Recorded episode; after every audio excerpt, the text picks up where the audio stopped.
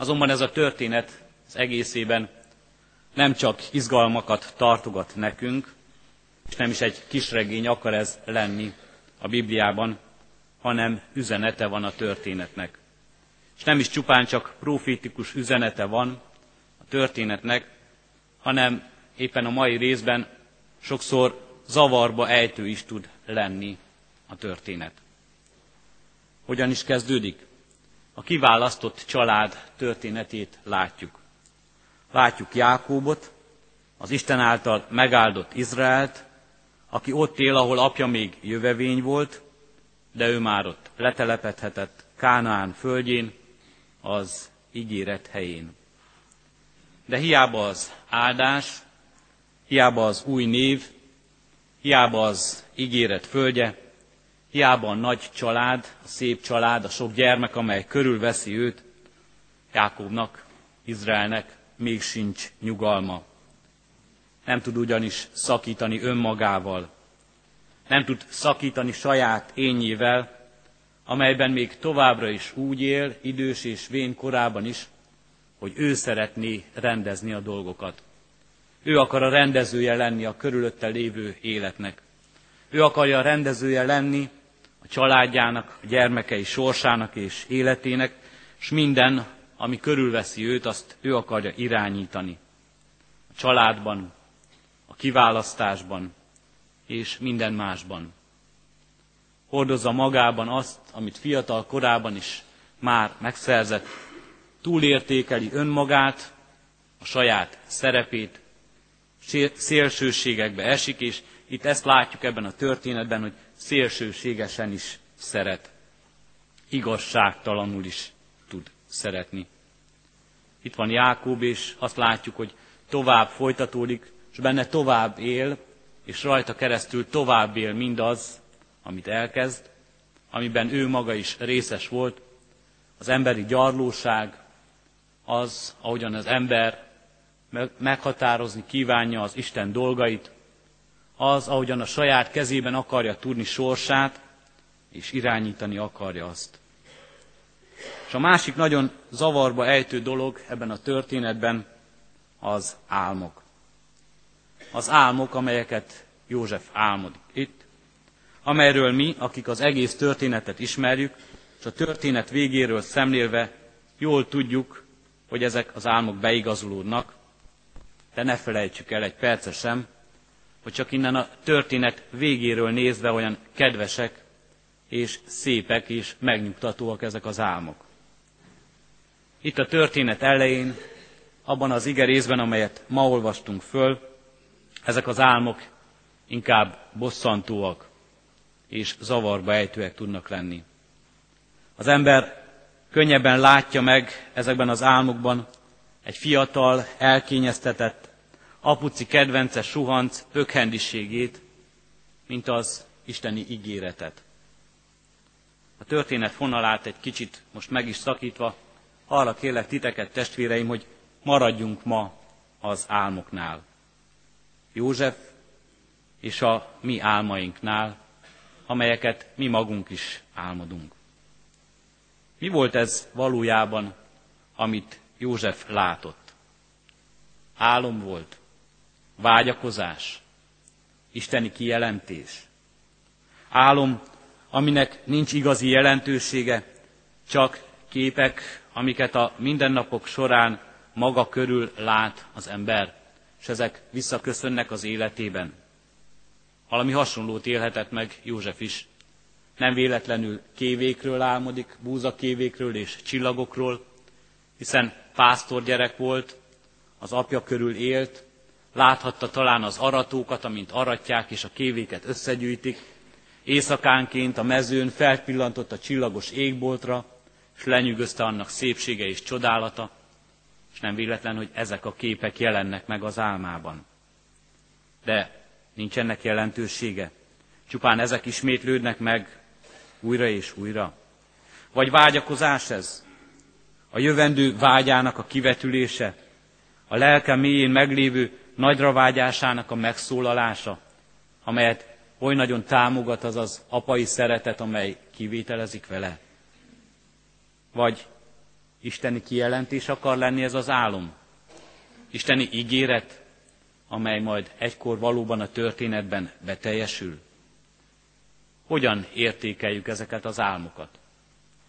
És ennek az, ezeknek az álmoknak a fényében hogyan értékeljük saját álmainkat és saját vágyainkat? Az álmok nagy tudója, pszichológusa Carl Gustav Jung az ő analitikus pszichológiájában az emberi álmokat munkája fő alapjának tekintette. A tudattalan, az elfolytott, a lelkünk mélyén szólal meg az álom, és abból üzen az alvás önkívületi állapotában. Üzen a világ sok átélt eseménye, amelyet megéltünk, üzen a lélek, üzen az álmokban a múlt, sok fel nem dolgozott élményével, üzen az álmunkban a vágy, a jövendő elképzelése, és sok minden más tanít minket a pszichológus. De a kérdés számunkra az, ki tudja mindezt szétválogatni. Ki tudja szétválasztani azt, hogy mi az, ami a múlthoz tartozik, mi az, ami a jövendőjé. Mi az, ami az enyém, a saját élményem, mi az, amit úgy álmodok, hogy valakitől hallottam egy történetet, és azt élem át én az álmaimban. Mi a sajátom, és mi a másé ebben. Mi az, ami igazság és valóban megtörtént esemény, és mi az, ami fikció, aminek semmi köze a valósághoz. Ki tudja mindezt szétválogatni? Az alvás, az álmodás állapotában az ember egy sajátos és különleges világba lép, amelyben megszólalnak és megelevenednek az élmények, a valóság, az átélt események, a vágyak és a fikciók, a saját és a mások világa. Egy igazán szürreális világban élünk. És itt nagyon fontos megjegyeznünk, hogy a Biblia éppen ezért óva int minket attól, hogy azt feltételezzük magunkról, hogy mi ebben a világban vala is határozottan eligazodunk, és biztos lábbal lépkedhetünk.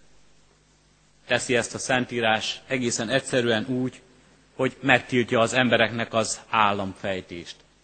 Megtiltja mindenkinek, hogy bárki azt gondolja magáról, azt állítsa magáról, és pedig ma nagyon sokan ezt teszik, hogy ennek az álomvilágnak, az álomban átélt világnak tökéletes ismerői és urai lennének. Megtiltja nekünk azt, hogy abban a hitben ringassuk magunkat, hogy mindaz, amit így kapunk, a számunkra olyan kijelentés legyen, amit mi értünk, és jól értünk. Ne tévesszük össze, nem azt tiltja meg, hogy álmaink legyenek. Álmaink vannak. Sokan talán ma este is álmodtak, és jól emlékeznek arra az álomra, amelyet megéltek. Nem azt tiltja meg, hogy foglalkoztassanak minket az álmaink, hogy gondoljunk rájuk, hogy gondoljunk azokra. Nagy álomlátókat ismerünk a Szentírásban is. Álmokat álmodott Ábrahám, álomban szólt Isten Dániel profétához, Nabukadnecár, pogány királyhoz. József és Mária történetében azt látjuk, hogy Józsefnek Isten álomban kijelentést adott, hogy ne bocsássa el feleségét. A történet talán a mostani József története is éppen ezért zavarba ejtő, mert nem tudjuk, hogy hogyan kezeljük ezt az álmot. Isten azt tiltja meg, hogy vala is azt gondoljuk, hogy mi urai vagyunk ennek a világnak. Urai vagyunk az álmainknak, urai vagyunk az álomban kapott kijelentésnek, élménynek, az álomban kapott információnak. Nem teheti ezt meg sem lélekelemző pszichológus, és óvatosságra is int minket az említett pszichológus is. Nem teheti ezt meg próféta sem, és óvatosságra intenek minket a próféták. Nem teheti ezt meg senki sem, József sem. Később ő maga mondja a fáraónak, nem én, hanem Isten ad választ a fáraó javára, mikor a fáraó álmait kezdi el megfejteni.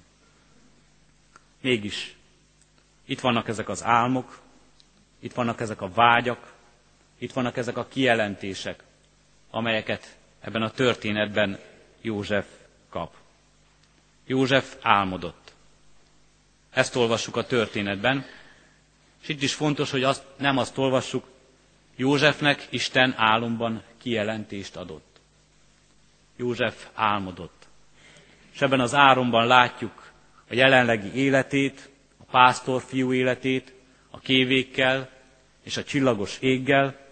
Ebben az álomban látjuk a vágyakat, amelyeket apja és ő maga is gerjesztett szívében, amelyeken nem is igazán tudott uralkodni, a nagyra vágyást, a mások fölé növekvést, és ebben az álomban utólag rajta kaphatjuk és láthatjuk az Isten akaratát és tervét, amelyet véghez visz. De ez az álom be is csaphatná Józsefet. Mert a következő színben azt látjuk, hogy ezekből az álmokból semmi nem teljesül. József azt látja, hogy nagy ember lesz, hogy a testvérei előtte meghajolnak, hogy az apja és anyja is hódol előtte, és a földre borul, és ez az álom talán arra ragadtatja őt, hogy még inkább kimutassa ezt a nagyra vágyó érzését a testvérek előtt. És a következő színben mit látunk? A testvérek összesúgnak, itt jön az álomlátó. Gyertek, öljük meg. Megfogják, megverik, egy üres kútba dobják, leszaggatják róla a ruháját, és József úgy érezheti, amit én álmodtam, az én vágyaim, az én gondolataim, azok semmivé lesznek. Azok nem valósulnak meg. Azok nem teljesülnek. Nem véletlen, kedves testvérek, szerintem minden Biblia magyarázó felhívja a figyelmet arra, hogy ebben a részben, itt az egész 37. részben Isten neve egyszer sem szerepel, egyszer sem fordul elő, egyszer sem említi meg a Szentíró Istent név szerint ebben a történetben. Sem úgy, hogy Isten vezette Józsefet, sem úgy, hogy Isten adta az álmot, sem úgy, hogy Isten terve valósul meg abban, hogy mit tesznek a testvérek, hogyan dobják Józsefet az üres kútba. Egyetlen egyszer sem szerepel. De mégis, ha elolvassuk ezt a történetet, végig érezzük, és végig ott látjuk, hogy ő ott van a háttérben. Ott van a háttérben, és ő irányítja az eseményeket, és ő tartja a kezében József életét, és mindenki életét, aki szereplője ennek a történetnek. És ezért gondolhatjuk azt, és ezért láthatjuk és érezhetjük azt, hogy az álom is őtőle jön, és ő adja. Mert minden mögött, minden esemény mögött ott áll ebben a történetben. József életének történetében minden mögött elválaszthatatlan módon ott van az Isten akarata és az Isten szándéka. És kedves testvérek, ha nem is úgy teljesül, ahogyan ezt József elgondolta, és milyen jó, hogy nem úgy teljesültek az ő álmai, ahogy ő azt elsőre gondolta, és rögtön nem uralkodóvá lett, hanem megaláztatásokon és nehézségeken keresztül vezetett az útja oda, hogy majd, amikor nagyjá lesz és leborulnak előtte testvérei, akkor nem uralkodni akar fölöttük, hanem segíteni nekik. Milyen jó, hogy Isten így vezeti őt. És milyen jó, hogy mi úgy ismerhetjük meg ebből a történetből is Istent, és így ismerhetjük meg a saját életünkből is, hogy minden mögött, az egész életünk mögött ott áll ő. Ahogyan József életét, a mi életünket is ő tartja kezében. A bizonytalan számunkra az az élet, amelyet megélünk napról napra. A bizonytalan még inkább benne az, amiben álmokat látunk, vagy vágyaink vannak, vagy kívánságaink szerepelnek, a bizonytalan számunkra az érzés, hogy mit hoz a jövendő, hogyan és mi módon vezet minket Isten, akkor ne kétkedjünk, hanem ebben a történetben is erősödjünk meg abban, hogy mindezek mögött ott áll az Isten. És számára nem bizonytalan az életünk, a sorsunk, a jövendünk, mert ő pontosan tud mindent. És az Isten kijelentése, amely nem álom, amely nem vágy, amely nem bizonytalan jövendő, az rólunk is egészen egyértelmű. És nekünk ezt nem a történet vége felől kell látnunk, hanem úgy, hogy Isten ezt a kijelentést megadta az életünkre nézve.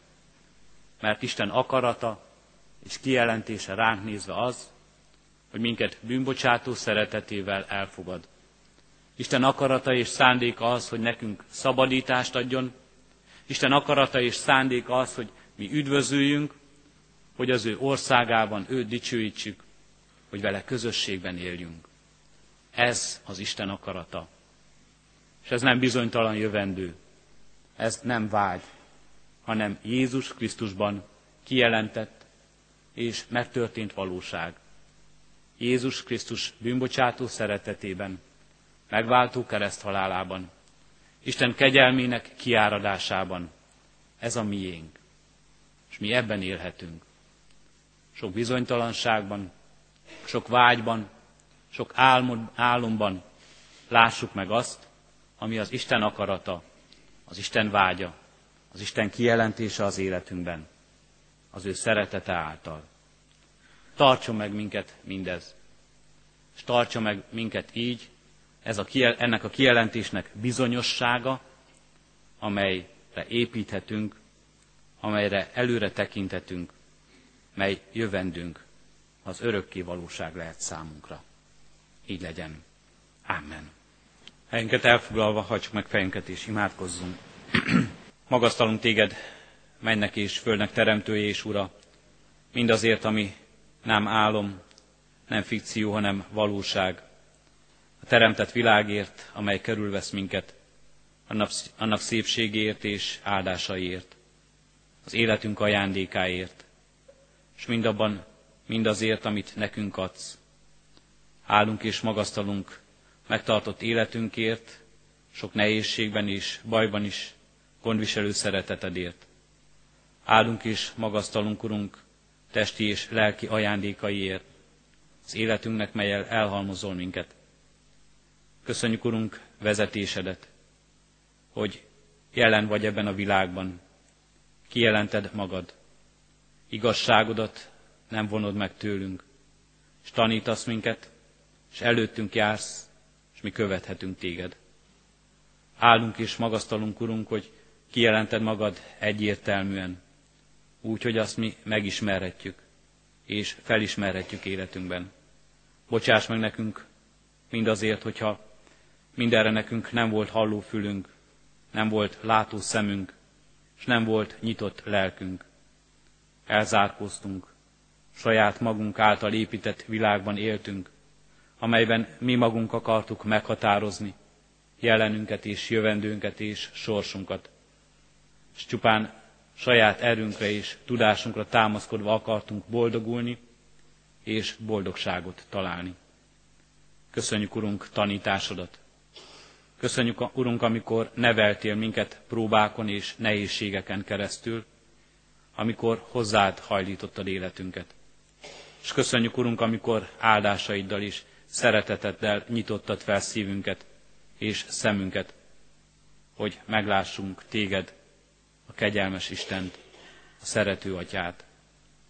És köszönjük, Urunk, mindazt, amikor egy közösségre bízva minket, tanítókat adtál elénk, akik vezettek minket, szülőkben, tanítókban, lelkipásztorokban. Köszönjük, Urunk, mindazt, mindazokat, akik vezethettek minket. Áldunk és magasztulunk, Urunk, azért, hogy megszólalhat közöttünk, és megszólalhatott ma is a Te igéd. És igéd igazság lehet az életünkben. És köszönjük, Urunk, szent lelked ajándékát, aki mindezt magyarázza nekünk, és aki irány vezeti életünket, hogy valóban az ige tisztán szólalhasson meg szívünkben. Kérünk és könyörgünk, Urunk, ad, hogy értői és cselekvői lehessünk akaratodnak. Kérünk és könyörgünk, Urunk, ad, hogy ebben a megcselekvésben valóban közös bizonyság tételünk lehessen, mindaz, ahogyan téged ismerünk. Közösen tehessünk bizonyságot szeretetedről, bűnbocsátó kegyelmedről, megváltásodról, az örök élet hitéről és ajándékáról, mely ott élhet szívünkben. Addurunk, hogy így tudjuk hordozni a gyengéket, az elesetteket, így tudjuk felkarolni mindazokat, akik kétkednek, akiknek az életük tele van nehézséggel, félelemmel. Így hozzuk eléd, Urunk, betegeinket, légy az ő gyámoluk és erősítőjük. Erősítsd őket testben és lélekben, hogy megújulhassanak. Így hordozzuk eléd, Urunk, előtted gyászoló testvéreinket. Add, Urunk, hogy valóban ők is megerősödhessenek a hitben, az örök élet ajándékában, és annak reménységében, és ez számukra vigasztalás és békesség forrása lehessen. Így hordozzuk előtted, Urunk, gyülekezetünk közösségét. Könyörgünk, Urunk, adj nekünk lelki megújulást és növekedést, épülést. És hordozzuk előtted népünket és nemzetünket, és vezetőinket, Urunk, hadd, hogy a Te igazságod mindannyiunk igazsága lehessen, és mindannyian követni tudjunk Téged. Alázattal, előtted fejet hajtva, és Téged Úrnak valva. Kérünk és könyörgünk, Urunk, ezért az emberi világért. Addurunk, hogy mindaz, amit, ami a Te álmod és a Te vágyad rólunk és ránk nézve, az igazzá legyen, hogy megismerjünk Téged, és dicsőítsünk úgy, ahogyan azt Te a teremtés rendjében elrendelted. Kérünk és könyörgünk, Urunk, add, hogy türelemmel és alázatos szívvel járjuk életünk útját, és így készüljünk, hogy mindaz, amit Te meg akarsz cselekedni, az beteljesedjen az életünkben. Nem sürgetve, nem türelmetlenkedve, nem előre futva, hanem a Te akaratodban megnyugodva.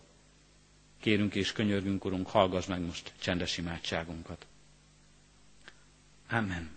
Jöhetek testvéreim, együtt is imádkozzunk, ami Urunk Jézus Krisztus által tanított imádsággal. Mi atyánk, aki a mennyekben vagy, szenteltessék meg a te neved. Jöjjön el a te országod, legyen meg a te akaratod, amint a mennyben, úgy a földön is. Mindennapi kenyerünket add meg nékünk ma, és bocsásd meg védkeinket, miképpen mi is megbocsátunk az ellenünk védkezőknek. És ne vigy minket kísértésbe, de szabadíts meg a gonosztól, mert Téd az ország, a hatalom és a dicsőség, mind örökké. Amen. Az adakozás lehetőségét hirdetem, testvérek, testvéreim. Szívünkben alázattal, Urunk, áldását fogadjuk. Ti azért növekedjetek a kegyelemben, s a mi Urunk üdvözítő Jézus Krisztusunknak ismeretében. Övi a dicsőség most, és örökkön örökké.